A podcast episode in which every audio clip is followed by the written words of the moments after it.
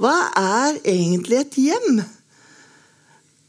Og når man først begynner å spørre i forhold til det helt enkle, det helt hverdagslige, det mest dagligdagse For, for hva er egentlig et hjem? Er det det huset hvor man vokste opp som barn? Eller er det det huset man bor i nå?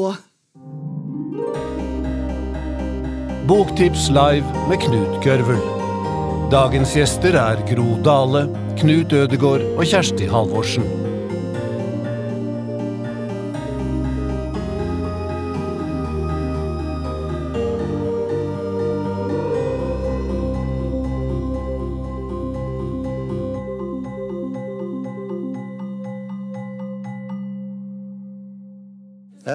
Jeg heter eh, Knut Gørvel og er salgs- og markedsdirektør her i Cappelen Dam.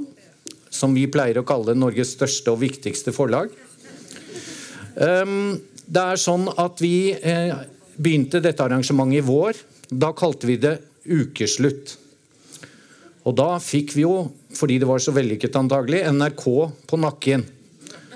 Og de ville ikke at vi skulle ødelegge deres program Ukeslutt. Sjefen sjekket med advokaten vår er det forvekslingsfare. Det var det nok ikke, men vi var såpass large siden vi i mai eh, åpnet et nytt nettmagasin som heter Boktips. Så tenkte vi la oss være snille med NRK og kalle dette Boktips live. Og derfor Når dere kommer hjem, så må dere gå inn på boktips.no og se alt det fine som står der. Og Da skal vi begynne med en som vi er utrolig glad for å ha fått tak i i en veldig eh, stresset høst. Gro Dale er jo en av våre mest kjente barneboksforfattere og poeter. Hun har i høst både gitt ut bildebok og ikke minst en ny diktsamling som heter Hjem, sier hun. Og hun ønsker seg en mottagelse som den rockestjernen hun er. Ta godt imot Gro Dale! Å, tusen takk. Det var fint. Og unnskyld. Så hyggelig, Knut. Tusen takk. Det var utrolig gøy. Og så flott å se alle disse menneskene. Har kommet hit på en fredag kveld. Det er så gøy. Jo, jeg har altså skrevet 'Hjem, sier hunden' som en diktsamling. Og litt sånn i tråd med den søsterdiktsamlingen som kom for et par år siden. Um, og da får jeg, jeg begynte å spørre meg sjøl hva er egentlig et hjem? Og når man først begynner å spørre i forhold til det helt enkle, det helt hverdagslige, det mest dagligdagse For, for hva er egentlig et hjem? Er det det huset hvor man vokste opp som barn? Eller er det det huset man bor i nå? Eller er det ikke huset i det hele tatt? Er det området, nabolaget, stranda eller skogen eller, eller fjellet eller byen? Eller, eller er det noe annet? Og jeg spurte og jeg spurte meg sjøl og jeg spurte andre. Hva er dette hjemmet? Er det moren min som er hjemmet? Eller er det jeg som nå er mor og har barn? Er det jeg som er hjemme? Eller er det familien som er hjemme? Eller hunden? Ofte kommer jeg hjem, og så er det hunden som står der. Kommer over Jeg liker hunden. Hundene. Mange hunder, alle sammen på en gang. Eh, over meg. De fosser rundt meg og på meg og opp og jeg vet ikke, og fram og tilbake. Er det det som er hjemmet? Hunden som er hjemmet? Kanskje hunden er hjemme? Men så begynner jeg å tenke, hva med de som har mistet hjemmene sine? Som har flyktet? Det eneste som er igjen av hjemmet, er kanskje passet? Og kanskje de ikke engang har passet? Kanskje det eneste som er igjen av hjemmet, er navnet? At man har et navn? Kanskje alt det andre er borte? Kanskje det er hjem til navnet sitt? Hjem til speilbildet? Og speilbildet, det er overalt. Og navnet har man med seg bestandig. Så jeg begynte å tenke litt sånn. Men nå skal ikke jeg bare stå og prate. Nå skal jeg lese. Og jeg har fått masse tid. 20 minutter. Jeg har vel brukt allerede 5 minutter, men allikevel 20 minutter. kvarter, det er, det er masse. Det er raust og sjenerøst. Og nå tar jeg på meg brillene mine. Mine tigerbriller, som jeg tror kosta 100 kroner. Hjem til brillene. Ja.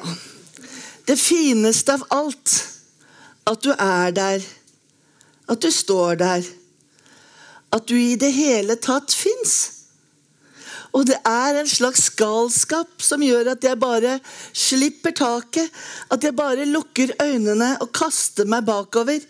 Og lar meg falle baklengs gjennom tomrommet og tror at du vil ta imot. Og så gjør du det. Ja, du gjør det. Og vi faller begge to, Lene ned i et hjem vi ennå ikke har betalt. Inn i en historie som ennå ikke er skrevet. Overrask meg, sier jeg. Også ryggen skal hjem. Også ryggen og beina og nakken skal hjem.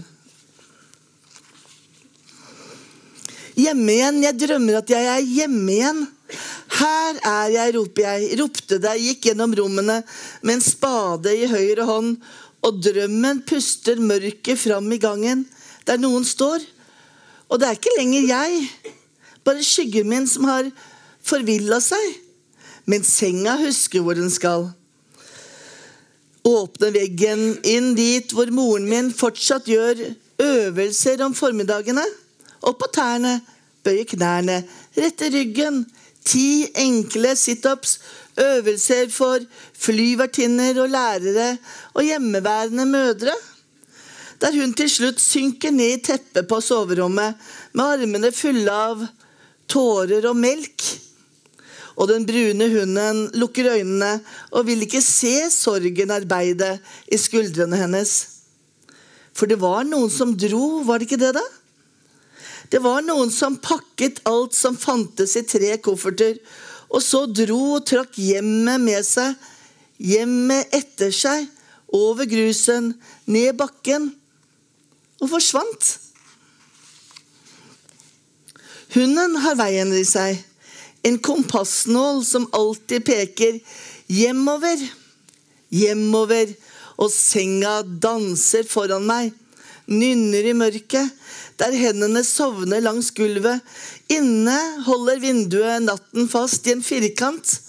Utenfor stiger månen og stjernene. De bare gir og gir. Det er et vindu på gløtt, der hjemmet venter med hele historien i armene om en mor og en far, tre stoler rundt bordet og en hund som ventet ved døra. Og jeg, som slapp hunden ut i mørket uten å tenke meg om. Det er ikke jeg som vender tilbake, det er hunden som trekker i meg. Det er ikke døra som åpner seg, det er jeg som åpner døra. Det er ikke huset som er lukket og låst, det er jeg som plutselig står der i døråpningen og roper 'Jeg er hjemme'. 'Jeg er hjemme', roper jeg. Hvorfor skulle jeg ikke rope? 'Jeg er hjemme', roper jeg og kryper tilbake inn i hjemmets armkrok, trykt i hjørnet av den slitte, grønne sofaen. Som en dokke. Som en pute mellom puter. Lårene mine og hjemmet holder meg i hånden. Klemmer meg og hvisker. Så bare jeg kan høre det. Det går bra. Det går bra. Og det gikk bra.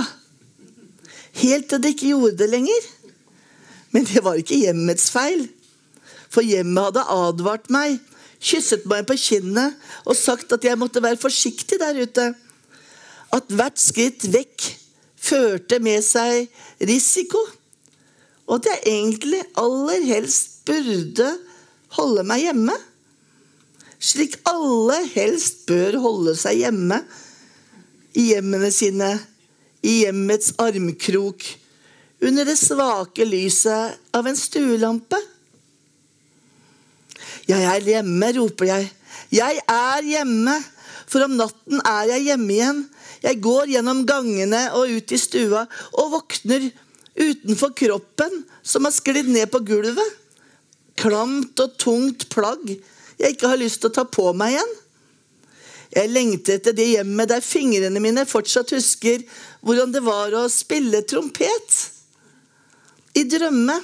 Åpne vinduet, vente på vinden, for vinden har også et hjem. Vinden snur seg tilbake og ser Hvor var det igjen? Jeg vet ikke hva et hjem er. Jeg bare bor her. Det er her jeg sparker skoene av. Det er her jeg henger jakka mi. Setter veska fra meg. Kofferten roper inn i gangen at jeg er hjemme. Joho, roper jeg. Jeg er hjemme, roper jeg. Selv om det bare er veggene som hører meg. Jeg holder meg fast i gelenderet opp trappa, tviholder meg fast i dørkarmene. Holder veggene på plass og taket i dette hjemmet, i dette hjemmet slik alle har et hjem å komme hjem til, bortsett fra de som er hjemløse. Men også de har et hjem å miste. Det er moren min, sier jeg. Det er hun som er hjemmet. Holder det i hendene sine, elter det sammen, baker det fram. Steker det i ovnen, svir det langs kantene. Men det er ikke moren min som er hjemmet. Moren min bare bor der, hun også. Bodde der. Pustet pusten inn i rommene. Fylte det med lukt. Det er huset, men det er ikke huset. Ikke husene før og ikke husene etter. Ikke leilighetene, ikke hotellrommene. Det er hagen, sier jeg. Men det er ikke hagen. Ikke det store furutreet, ikke det lave gjerdet, ikke bjørkene bak huset, ikke solbærbusken. Men kanskje det er brødfjæra? Når vinden ikke har noe sted å gå, kommer den hit. Jeg kjenner trekken gjennom huset. Kjenner hvordan vinden løper i gangen, hører smell i døra. Nei, jeg holder den ikke fast. Ingenting kan holde vinden fast. Verken avtaler eller løfter. Jeg skulle bare ønske at vinden kom av egen fri vilje, som det heter, og tok meg i armene sine, så jeg ikke skulle blåse av sted uten vind, og så at den sa meg, sa at jeg var fin. Hvem vil ikke være fin? Jeg lærer av hunden hva det vil si å være hjemme. Jeg lener meg tilbake i sofaen, søler på genseren, smuler på bordet, legger hodet på armlenet. Jeg har inngått et ekteskap med denne sofaen. Jeg og sofaen har gitt hverandre troskapsløfter. Lovet troskap i gode og onde dager helt til døden skiller oss ad. For det handler ikke lenger om vegger og gulv, ikke om ting og tepper. Til og med hunden forstår det, hva jeg mener med det. Hunder er spesialister på hjem. De lager seg et hjem overalt.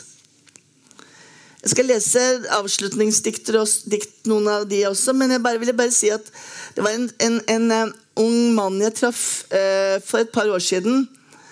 Og han, uh, var, jeg holdt et foredrag, en forelesning, og han var så vanvittig blid. Han smilte så utrolig. Og så satt det to-tre jenter på hver side av han og så bare så på han. Og de var så forelska. Det lyste. Og så kom han opp til meg etterpå og så sa han Det var litt rart at han skulle si det, men han sa det. Han sa at 'jeg har aldri vært lykkelig', sa han. Har du ikke vært lykkelig? Nei, jeg jobba med psykologer i ja, flere år, og vi har ikke klart å få til at jeg skulle bli lykkelig. Og jeg vet ikke hvordan det er å være lykkelig. Jeg skjønner ikke hvordan jeg skal få det til. Veit du det? så sa jeg at uh, det spørs hvordan man definerer lykke, da. Ja, hvordan definerer du det? sa jeg. Er, hva er lykke for deg? Nei, Det var det han ikke visste, da. Han hadde aldri kjent det, så han kunne ikke vite det. Så sa jeg at uh, for meg så er lykke Det er puta mi. Om kvelden, jeg er sliten, kjempetrøtt, kanskje kjørt langt. Så kommer jeg hjem og så legger jeg meg på puta mi, og det er sånn Å, det er så perfekt putevar! Det er så glatt, det er så kjølig. Og så legger hodet sitt der. Da er jeg lykkelig. Så enkelt er det, sa jeg. Nei, det trodde han ikke noe på. Ja, men taco, da. Taco. Altså alt det beste. Alt det beste i den tacoen skal være der. Alt det du liker. Nei, det var bare tull, sa han. Men så traff han igjen året etter, så kom han og hørte på en, også en foredrag. Og så sa han at 'Nå veit jeg hva lykke er', sa han. Og så hva er det for noe, da? Ja, For meg så blei det faktisk furutreet. altså at, at, det går an å, å finne, finne, seg et hjem, eller finne en lykke, eller finne tilhørighet. Nesten hvor man skulle snu seg. At det er der hele tida. Det syns jeg er ganske rart. Eller fint, da, kanskje. Da leser jeg de siste diktene. Jeg trekker meg tilbake og blir en hjort. Puster bare gjennom nesa, gjemmer meg mellom møblene, skjuler meg bak gardinene og lar veggene holde vakt. Du skal ikke skyte en hjort i dens eget hjem, tenker jeg, under bildene av fjell og skoger. Du skal ikke jage hundene ut heller, selv om de bjeffer, for til og med hunder kan bli redde av og til. Til og med løshunden, som løper uten bånd langs veiene og bjeffer på alle og glefser. Til og med han eller hun blir redd for store, svarte plastposer. Var det ikke her det var, da, tenker jeg, og lukker hjemmet rundt meg som et smykkeskrin, som ser langt finere ut på utsiden enn på innsiden. Hvis du åpner det, så skal jeg gå rundt som en ballerina for deg. Og det skal, hjemmet skal spille Ah, du lieber Augustin, Augustin, Augustin. Ah, du lieber Augustin, Augustin. Etterpå fyller jeg huset med maur. Takk, sier jeg til mørket, som har lagt seg over hendene mine med vanter fra en annen tid. Jeg har sko på nå, men mangler såler. Jeg kjøpte skoene slik, såleløse, slik at jeg lettere skulle finne veien hjem. Tusen morgener faller over kjøkkenbordet og blir borte, og vi har ingen andre steder å gå enn hjem. Og du tar meg i handa, og vi går den lange veien gjennom gangen og krysser teppet og vet at det er to slags hjem. Det er hjemmet til den som har et hjem, og som alltid hatt et hjem, og den som ennå ikke har funnet det. Jeg utvider hjemmet, inviterer fortsatt vinden inn i gangen og slipper også fuglene inn for å fylle rommene. De setter seg langs, langs gardinstengene og på bokhyllene. Jeg mater trærne. Da kommer de løpende opp veien hver gang de ser meg og vifter med greinene sine. Er det rart jeg er glad i trær? Hjem er der hunden er, der hunden kommer med halen sin og den fuktige, snuta, der hunden slikker dagen av hendene mine.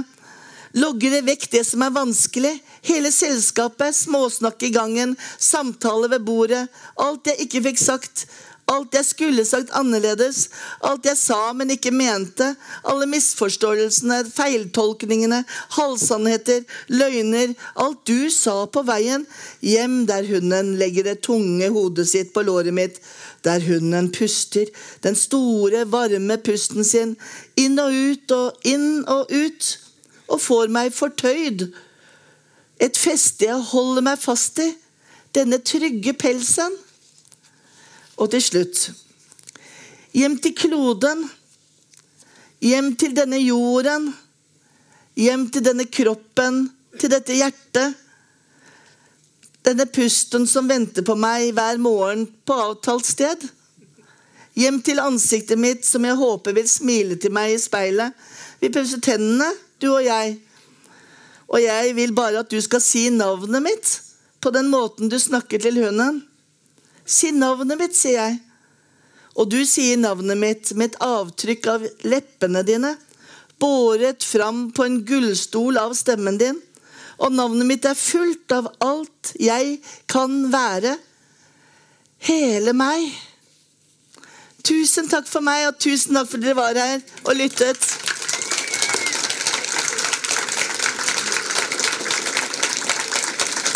Det er gøy at dikt får lov til å være en så stor del av samfunnet igjen, syns jeg.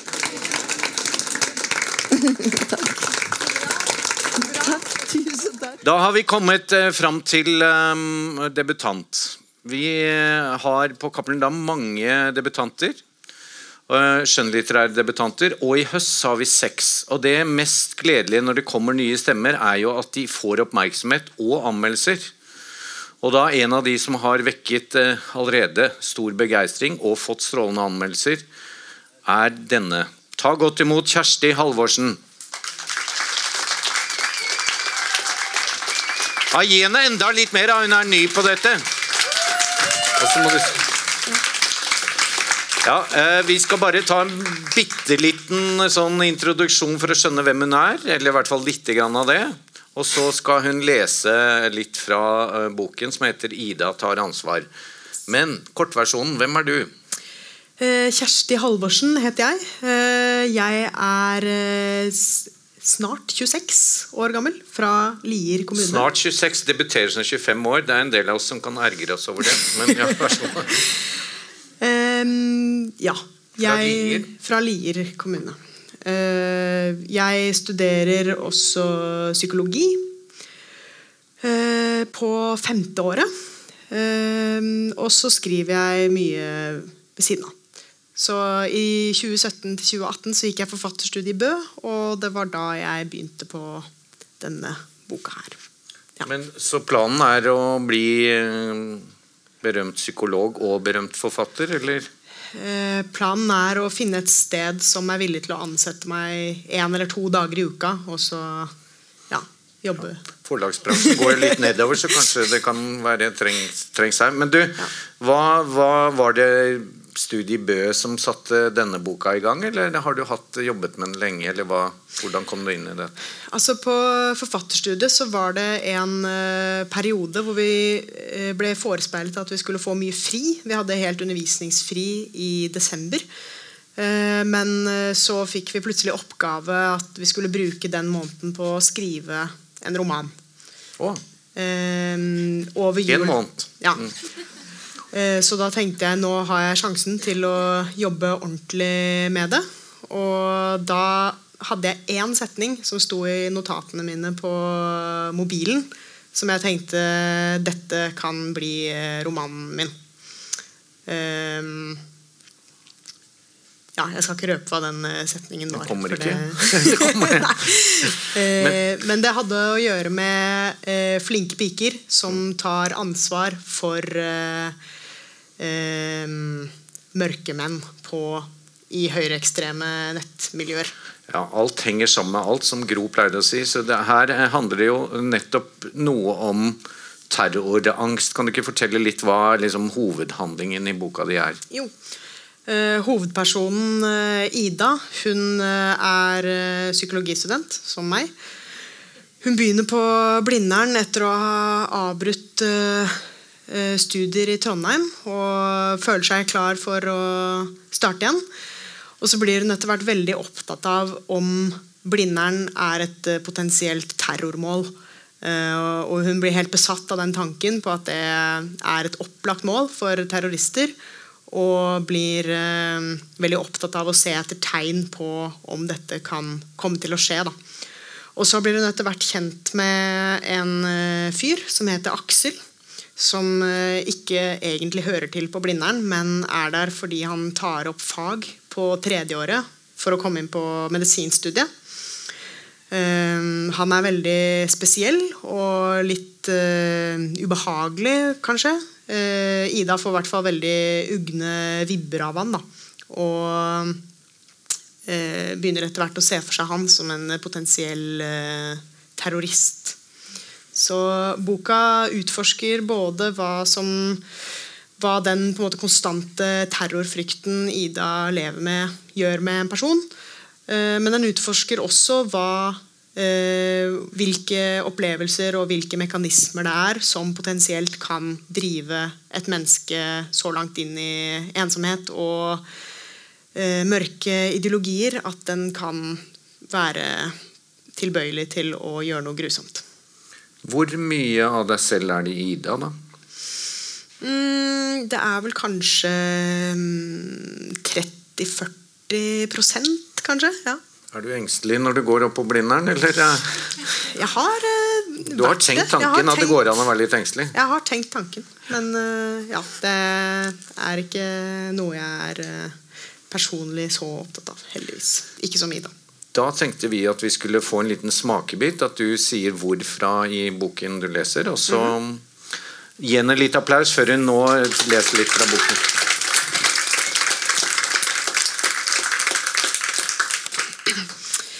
Yes.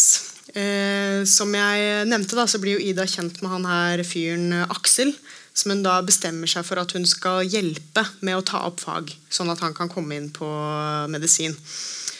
Eh, og i den scenen jeg skal lese nå, så har de hatt en liten sånn kollokvie på Blindern, hvor hun har oppdaga at han er på et uh, forum på Reddit som hun blir veldig nysgjerrig på. da. Og vi møter henne på hybelen hennes på Kringsjå, hvor hun uh, bestemmer seg for å stalke Aksel litt på internett. Tilbake på Kringsjå blir jeg nysgjerrig på redditen Aksel var på, og søker opp forumet. Incel står for Involuntary Celibacy. Det later til å være en slags støttegruppe for menn med begrenset seksuell erfaring. Hvorfor ikke, tenker jeg. Det finnes støttegrupper for alt mulig annet. Angst, depresjon, kreft, sorg. Brukerne hevder at sølibatet deres er ufrivillig. At det er noen som holder dem der. Merkelig måte å tenke på sex. Jeg klikker meg rundt i forumet, leser nye og gamle innlegg. Det føles som en merkelig antropologisk undersøkelse. Som å sitte på kafé og lytte til fremmede som snakker sammen. Det er mange brukere, men få av dem poster aktivt. Noen memes, men de fleste innleggene er rene tekster hvor folk skriver om livene sine. Jeg vil ha kjæreste, skriver en som kaller seg Accelerate. Men jeg har ikke noe håp om det. Jeg prøver å forbedre meg, bli en fyr det er lettere å like. Sånn som jeg er nå, er det ikke lett for folk. Jeg er oppsiktsvekkende stygg, skriver han. Jeg er skinny fat med cystisk akne og lys pinglestemme. Dessuten bor jeg hjemme hos moren min. Jeg skjønner at ingen vil date en beta-taper som meg, men vet ikke hvordan jeg skal komme meg videre. De har utviklet et slags felles språk som bl.a. deler menn inn i alfa og beta. Det tilsvarer vinnere og tapere, ledere og underdanige. Human Waste 91. Kjenner meg igjen. Jeg vet jeg kan klippe håret og trene så mye jeg orker. Jeg kan ta den sinnssyke isotretinoin-kuren og få ren hud en gang for alle. Men beinstrukturen er som den er. Ansiktet mitt er fortsatt en vits. Jeg har tapt genlotteriet. Det er faktisk ikke bare din skyld. Samfunnet har endret seg, skriver Soyboy. Folk levde monogamt før. De fikk det til å funke. Nå er det noen få alfamenn med høy status som får flere kull barn med flere damer. Det beste jeg kan håpe på, er en fire av ti alenemor. Kanskje bedre å være køkk enn ingenting. Køkk? Jeg googler ordet. En mann som lar andre menn knulle kjæresten sin og liker det, eller oppdrar andre menns barn. Det kan også bety mann med feministiske eller politisk progressive holdninger. Ordet er hyppig i bruk på forumet, mest generelt nedsettende på linje med idiot. Det blir vinnere og tapere. Jeg for eksempel, er 35 år gammel og har aldri hatt sex, skriver Human Waste videre. Og har heller ingen grunn til å tro det kommer til å skje. Det er veldig lite som holder meg gående nå. Jeg vil ikke ødelegge julefeiringen for foreldrene mine, så jeg har lovet meg selv å holde ut til over nyttår. Jeg stopper opp, leser setningen igjen. Disse menneskene må være de mest ensomme i verden. Ingen å prate med utenom anonymt på nettet. Så mye skam. Accelerate skriver Vær så snill, send meg en melding, så kan vi ta en prat. Det blir bedre, det lover jeg. Livet kan være ensomt, men det er alltid verdt det. Det var snilt, tenker jeg. De støtter hverandre, men fyrer de ikke hverandre opp også? Ingenting gir mening lenger, skriver Maga69. Jeg har ingen utsikter til jobb i dagens marked. Jeg har ingen talenter, har droppet ut av skolen og vært NEAT i fire år. Jeg googler det også. NEAT, Not in Employment, Education or Training. Arbeidsledig uten studieplass. Trådstarter, du høres ut som en bra fyr, skriver Soyboy. Du skriver at du tar vare på moren din. Det er det som gir mening. Å ta vare på hverandre. Ikke meningsløse one night stands. Accelerate skriver Jeg vil bare ha en følelse av at jeg kanskje ikke kommer til å dø alene. Jeg har ingen selvtillit eller social skills, sannsynligvis fordi jeg ble mobba som barn. Det er uansett aldri tilfeldig hvem de velger. Akkurat nå virker alt så håpløst. Jeg trykker på brukernavnet. Finner postehistorikken til Accelerate. Han er ganske aktiv på forumet, også på et gamingforum og et om ølbrygging. Helt vanlige ting, midt blant alt grumset. Han bruker tilsynelatende mye tid på å støtte og trøste de andre brukerne. Mange er frustrerte, noen på grensen til rasende. Andre virker først og fremst triste. De hater seg selv, samtidig som de klandrer kvinner for de kjipe livene sine. For det er tydeligvis kvinner som holder disse folka utenfor samfunnet. Som presser dem ut til fordel for noe overflatisk og grotesk og sexfiksert. Hvilke nederlag kan de ha opplevd, tenker jeg. Det er samfunnets skyld, skriver de. Aldri deres egen. Strukturene må endres. Kvinnene må ta ansvar for dem, for deres følelser og behov. Jeg føler meg kvalm. Alltid hensyn. Alltid noen andre enn dem selv som er problemet. Hva om en av dem er Aksel? Er dette hans tanker? Hans venner? Fritidsaktiviteten hans når han ikke spiller eller leser til eksamen? Jeg tenker på boka han kjøpte. Unge Werther som aldri kan få Lotte. At Werther er verdens første incel. Og så slår det meg. Accelerate. Aksel. I tillegg til incel-aktiviteten har denne personen, muligens Aksel, kommentert en del på Reddit Girls Combing. Linkene til forumet er merket 'Not safe for work', altså en link du ikke vil klikke på i åpent kontorlandskap. Med andre ord porno. Vil jeg vite hva han liker? Jeg har muligheten nå. Jeg er allerede i inkognito-modus og stålsetter meg. Det føles galt å kikke inn i de seksuelle preferansene til en fyr jeg nesten ikke kjenner, men her sitter jeg. Jeg kan kjenne internettkrattet vokse tett og mørkt omkring meg. Linken er en to minutter lang video. Ei jente med rødt hår kommer inn i bildet. Hun setter seg ned foran et bord med speil på begge sider. Jenta smiler og tar av seg omslagskjolen. Hun løsner håret som til da har vært festet med en nål i ei knute på hodet. Når håret faller nedover skuldrene og brystet, ligner hun en havfrue. Hun løfter en gullskimrende børste fra bordet, danderer en tykk hårlokk mellom to fingre og drar børsten nedover. Hun børster sakte, nøye. Etter noen strøk lukker hun øynene og sukker av nytelse. Slik fortsetter hun. Til slutt samler hun hårmanken i ei løs flette. Hun ser i kamera og sier 'takk for at du så på'. Videoen går i svart. Videojentas kanal, 100 Strokes Before Bed, viser seg å være et vell av lignende videoer, hvor hun grer, fletter, tvinner, føner eller rister på det røde håret. Det er flere hundre kommentarer. Jeg går tilbake til Accelerates profil. Er det Aksel? Eller en helt annen, en fremmed? Han skriver 'Jeg vil være børsten'. Grensen er nådd. Denne informasjonen er ikke ment for meg.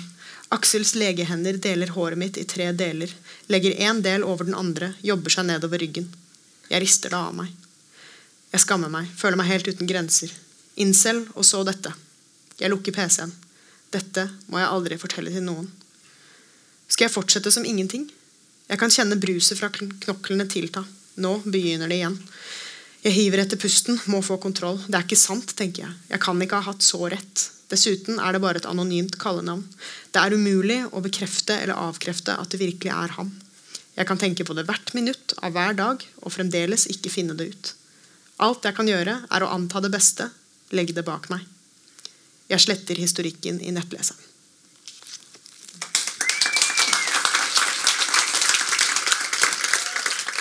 Eh, da er det sånn at det, det først ut, og de da kommer ikke opp på scenen fordi den andre intervjueren her eh, valgte å ha en stol som vi ikke fikk opp på scenen. Eh, fordi eh, er, eh, og Han ville også veldig gjerne presentere, så ikke jeg skulle si for mye. Men altså Knut Ødegaard er en av Norges fremste lyrikere. Har vært det i mange mange år. Denne høsten har han romandebutert med boken som står der, 'Fuglespråk'. Og han skal intervjues av en annen enn meg, og da var Thorvald veldig engstelig for at jeg skulle bruke opp poengene. Så det skal jeg ikke gjøre. Og vi har da altså hentet inn en av Norges fremste romanforfattere som selv har gitt ut bok i høst til terningkast seks. Men jeg skal ikke si hva den heter engang, Torvald, fordi nå er det Knut som er i vinden. Ta godt imot Knut Ødegaard og Torvald Steen. Tusen takk.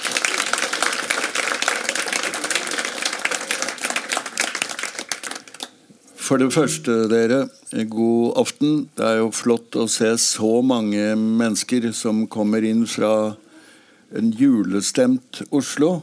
Det er jo stas at vi har kunnet ønske moldenseren Knut Ødegaard velkommen under sånne forhold. Når det gjelder det å mangle poenger når det gjelder Knut Ødegaard, så er det klin umulig. Det er ingen fare for Knut Gørvel eller for meg, for vi kan holde på med det lenge. Han debuterte i 1967. Han har gitt ut et femtitalls bøker. Eh, primært eh, diktsamlinger, for det er lyriker og diktere han er. Det er et veldig sterkt eh, Cappelen Forlag er veldig sterke på sterke diktere. Han er, nesten, er i samme generasjon som Kolbein Falkeid og Pål Helge Haugen, for å nevne noen. Og Det som er også viktig med Knut, er at han også er en fremragende gjendikter og f.eks. Edda-diktene.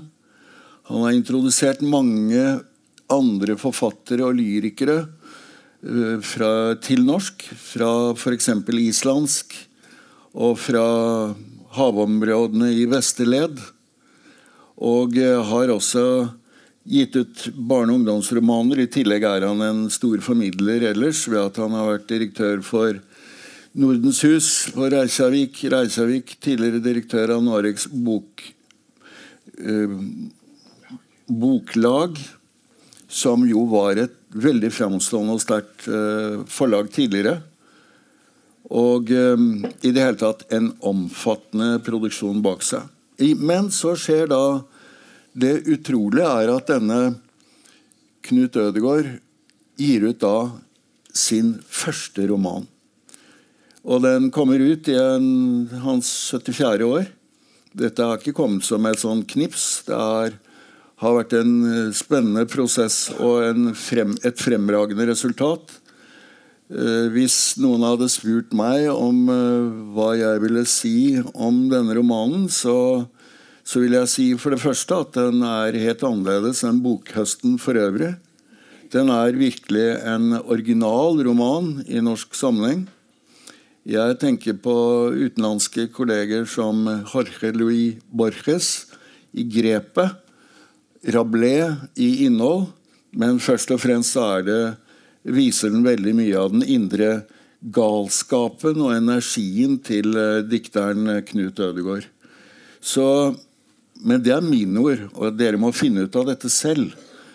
Jeg vil bruke tiden på å fritte ut Knut for å få han til å si mer om hvordan denne romanen 'Fuglespråk' er blitt til, og hva, den, hva som er eh, grepet i den. Altså, jeg oppfatter det som følgende, Knut, at Knut Ødegaard kommer over noen lydbånd og eh, de lydbåndene skriver han ned, er det riktig? eller er det Ja, altså Bakgrunnen var at den 6.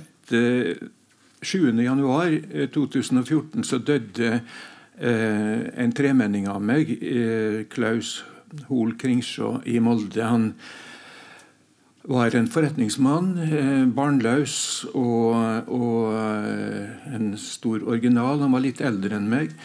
Og um, Da jeg leste om dette på nettet, jeg satt da på Island og arbeidet med Edda-dikta, så bestemte jeg meg for å reise i begravelsen i Molde. Han, denne delen av familien hadde konvertert til den katolske eh, kirke, så det var et lite kapell i Molde da at jeg var. Og så var det ja, så var det invitasjon til kaffe etterpå på Hotell Alexandra, og der traff jeg en eh, et søskenbarn av meg som sa at eh, ja, det var jo ingenting igjen etter han egentlig, eh, fordi at eh, alle pengene hadde gått med til betale for sykeheimen på hans eldre år. Og, men det var en, noen pappkasser med papir, og også det du nevner da med innlest eh, lydbånd. Og, og ettersom jeg den i familien som eh, har mest greie på skrift, men så, så, burde jeg, eh, om jeg kunne kikke på dette.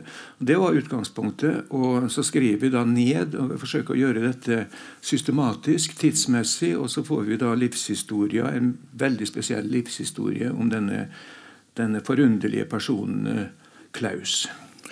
Ja, for at alle kan høre at Knut snakker et veldig sobert nynorsk til vanlig, men dette er altså gjengitt i en veldig sober riksmål. Eh, denne han, hva kommer det av? Er det vanlig for en Klaus Hoel-stil og alder på denne tiden som omhandles, altså etter annen verdenskrig? Klaus Hoel snakker riksmål, ikke sant? Ja. Jo, men det gjorde alle forretningsmenn i, i Molde den gangen. Det, jeg, jeg, lærte også av min bestemor og si nu og efter og språk, så jeg grunnen vært tospråklig helt fra jeg kunne snakke. Og så hadde jeg en farfar som spurte er det dansk da jeg lærte ungene å snakke, sa han da. Så det var ikke noe problem for meg, det. Men eh, en forretningsmann i Molde på 1950-60-tallet ja, Nei, da var det riksmål. Ja. Men han har altså veldig, noen veldig personlige egenskaper. Eh, derav eh, tittelen på romanen. Altså Evnen til å snakke med fugler er, så vidt jeg vet, ikke veldig utbredt i Oslo-området. Er det mer vanlig på dine trakter? Nei, det er slik at han eh, Jeg vet ikke om vi skulle ta en litt annen vri på det, fordi at det går fram av disse papirene at, eh, at han var et, eh, et, krigsbarn. altså Hans far hadde, hadde havna på feil side. Han studerte han skrev sin doktoravhandling i norrøn uh, litteratur i, i, Tyskland og, og ble grepet av disse forferdelige ideene der og havna på østfronten, kom tilbake som en taper. Og, og i dette miljøet er det denne Klaus vokser opp, der alt på en måte forfaller rundt han. Og så mener han sjøl at han skjønner fuglespråket, og det særlig da kråkefamilien som, eh, som han får et eh, nært eh, forhold til. Sjor og det, det ravn, ja, kråke og ravn. Og, og, mer og mer så blir livet hans, oppfatta han det som, diktert av det fuglene forteller at han skal gjøre. Men her signaliserer du egentlig under samtalen, Knut, at man vet ikke helt hva som, er, eh, hva som kommer først. Er det krigsopplevelsene som gjør at han begynner å høre fuglene? Eller eh, ja, hva er rekkefølgen her? Det er vel antageligvis de livserfaringene han har. Ja, det er jo et, et, veldig traumatiske opplevelser som, som, dette barnet har. Nå skal jeg ikke avvise det at det kan ha vært slik at han kommuniserte med fuglene. Jeg gjør jo det faktisk sjøl av og til, synes jeg, tror jeg. Og Vi må ikke glemme Frans av Assisi i disse dager. Vi vet jo at det er en partileder som sliter fælt med dette med om dyrenes uh, egenskaper kontra menneskene. Så den griper jo på alle måter inn i samfunnsdebatten, dette her. da. At, han, at parti, denne partilederen har glemt vår gamle venn Frans av Assisi, syns jo jeg er vondt, men det er kanskje et annet tema. Jeg er jo helt enig med deg. Ja, takk. Ok, Men til det, til det mer alvorlige i denne sammenheng, når, når, du nevner at Klaus Hoel har sine krigserfaringer, så er det fordi han har opplevd skammen ved å være et krigsbarn. Er ikke det riktig? Jo, det, det det er akkurat det. Og, og det kommer, går jo fram av disse papirene at han uh, er jo også et mobbeoffer til de grader. Man han kaller det som barna der som er på den rette sida, for krigsvinnernes barn. formuleringa han bruker. Og Han får aldri være med på leik, han får aldri være med, han blir ikke bedt i bursdagsselskap. Han blir liksom holdt helt utafor, blir ikke med på å kaste på stikker og slik som han gjorde. Eh, Nei, eh, til slutt så blir han faktisk eh, tvungen til å spise meitemark av disse, disse mobberne. Det er helt grusomt. Og da er det han får øyekontakt med ei kråke som sitter på et gravkapell på toppen der og ser på han og sier at vi, det er linje mellom, mellom oss, mellom fuglen og han. Da letter han enda mer og mer, mer og mer inn i denne fuglen men, men, men, Knut, er det riktig at eh, vi lesere også kan trekke inn uh, samtid ved å tenke også på IS-barn i denne sammenheng? Er det å dra det for langt, syns du? At uh, noen av oss som leser romanen, kan tenke sånn? Nei, det, det Jeg er veldig glad for at du sier det, for slik tenker jeg sjøl. Dette, dette, er jo en skjebne som har ramma uskyldige barn til alle tider, som er offer for foreldregenerasjonens eh, forferdelige misgrep. Mm. Eh, jeg har levd meg veldig sterkt inn i dette, som du vet, også gjennom diktsamlingene mine. Så har jeg kommet stadig tilbake igjen og igjen og igjen og igjen til dette temaet. Mm. Og, og jeg, jeg, tror jeg blir ferdig med det. Og i dag er det dette ja, IS-barn Jeg vet ikke, jeg liker egentlig ikke den betegnelsen, men vi jeg finner ikke hva bedre nå. Men barn av foreldre som var tilslutta IS. da, for det ja, jeg syns ikke vi skal kalle NS-barn for nazibarn. eller sånt heller da. Så, ja. Men det som uh, antageligvis uh, publikum ville nå brenne etter, og håper at Thorvald Steen spør om uh, Knut Ødegård, har du personlig bakgrunn eller erfaring som gjør at dette ligger deg veldig nært? Ikke annet enn veldig mange spørsmål som jeg har stilt meg. og jeg veit rett og slett ikke svaret på det. Men, men, eh, grunnen til at jeg begynte å stille med disse spørsmålene, var det faktum at min far var politi i Oslo i 1942, høsten 1942, og vi veit jo hva som skjedde da. Eh, og eh, han ble overflytta til Ålesund. Han eh, var med på en del opprenskningsaksjoner. Han fortalte meg etterpå at han hadde klart å advare nordmenn som var på flukt over til Sverige. Men hvorfor i all verden skulle han være i spissen for tyske soldater på vei over der, det vet jeg ikke. Men på en annen side, han hadde en god venn som var aktiv i motstandsrørsla, som forsikra oss om at far hadde gjort en en, eh, en skikkelig uh, innsats. Og da er mitt aller siste spørsmål er var han knytta til den hemmelige tjenesten. For der skulle du jo ikke fortelle noen verdens ting. Du skulle dø med hemmelighetene. Og det kan, det kan, godt være et svar, eh, like godt som, som, annet. Det er det ene.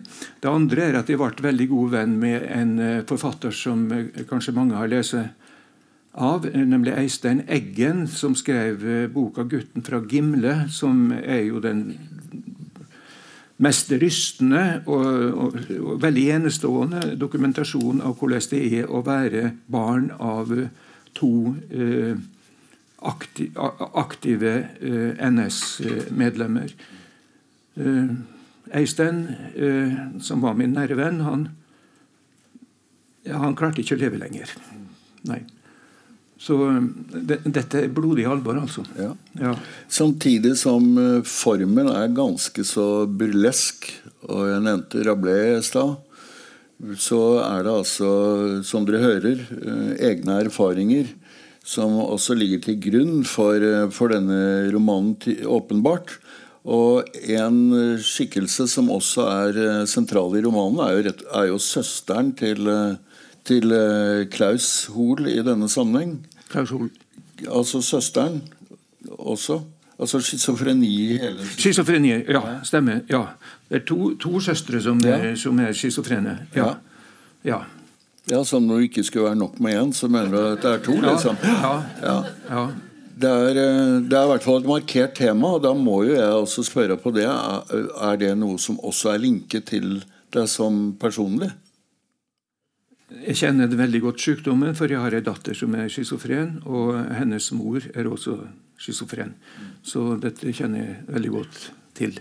Men jeg synes jo, vi må jo kunne si at det er jo, som du var inne på, Rabelais og alt dette, det er jo det, Tror jeg sjøl at det er mye frodighet. Han var jo tross alt kondomagent i ganske mange år i sin han, han, reiser altså Det er sånn dere lesere kommer til å bli introdusert for terrenget rundt Molde gjennom disse kondomsalgene eh, land og strand rundt Molde.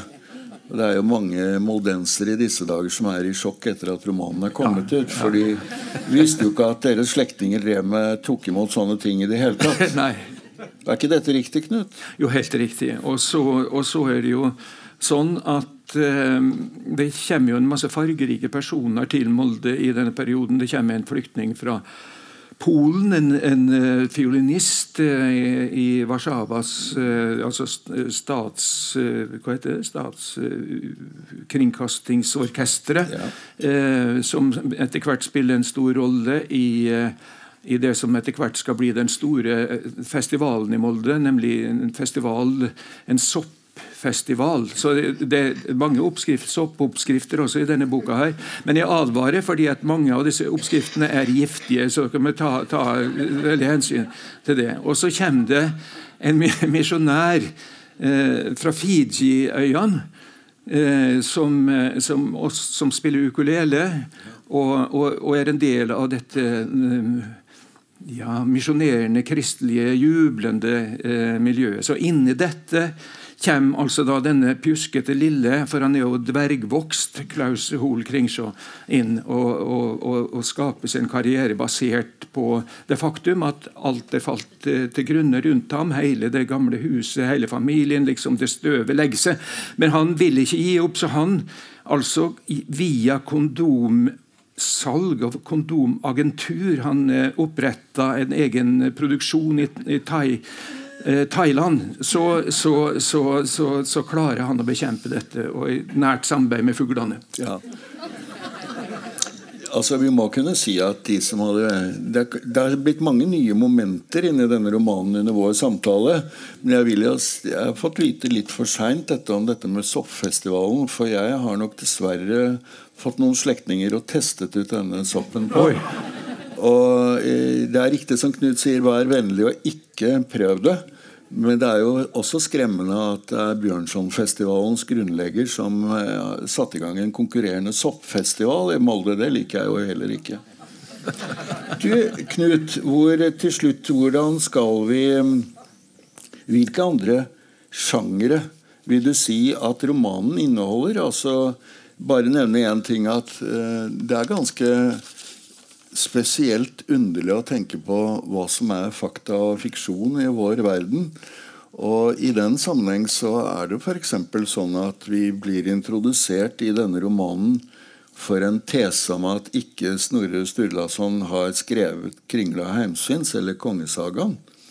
Og noen vil kanskje tro at dette er eh, bare tull og tøys. Men det var doktoravhandlinga til Klauses far, det. Nettopp. I, i, i Leipzig. Ja. Og, og det, det, har jeg faktisk eh, eh, konferert med professor Jon Gunnar Jørgensen, som heter Staes her i kveld, ja. om dette kan virkelig ha vært slik. Ja, sier han. det Teoretisk sett så kan det ha vært en annen forfatter. Ja. enn Snorre. Så Det viser jo også at vi har altså en høyst levende professor til stede fra Universitetet i Oslo, som legger hele sin akademiske karriere i potten for at dette har troverdighet. Det skal du ha takk for. Det er ikke mange sånne modige professorer i våre tider. Takk for det. Men er det andre sjangere? Jeg syns du bruker thrillerelementer i romanen din. Er det riktig? Det er jo det, fordi at dette manuskriptet er jo uh, fryktelig viktig både for Island og Norge. Så det skjer jo uh, et tjueri av dette gamle manuskriptet. Men det mest dramatiske er vel alle dødsfallene. Fordi at eh, de såkalte Altså de gutta på skauen eh, de blir rett og slett hakka i hjel av fugler, svært mange av dem. Og Politiet finner aldri noen løsning på dette. her. Det ser ut som det, det er altså forsamlinger av eh, kråkefugler som har samla seg og stukket dem ned. Og det vet vi jo, altså Kråkefugler er veldig intelligente eh, fugler. Og de kan samarbeide, de kan, forvirre, de kan til og med drepe en okse. altså de kan, de kan forvirre på den måten. Men var det Klaus som gjorde det som hevn for sin fars skjebne? Var det fuglene, rett og slett? Ja, Eller var det mora? Ja, jeg merker at spørsmålet nå stabler seg opp. Dette, og jeg tror dette, må, leseren dette må leserne ta seg av. Ja. Og der gir vi oss. Der gjør vi. Takk. Takk.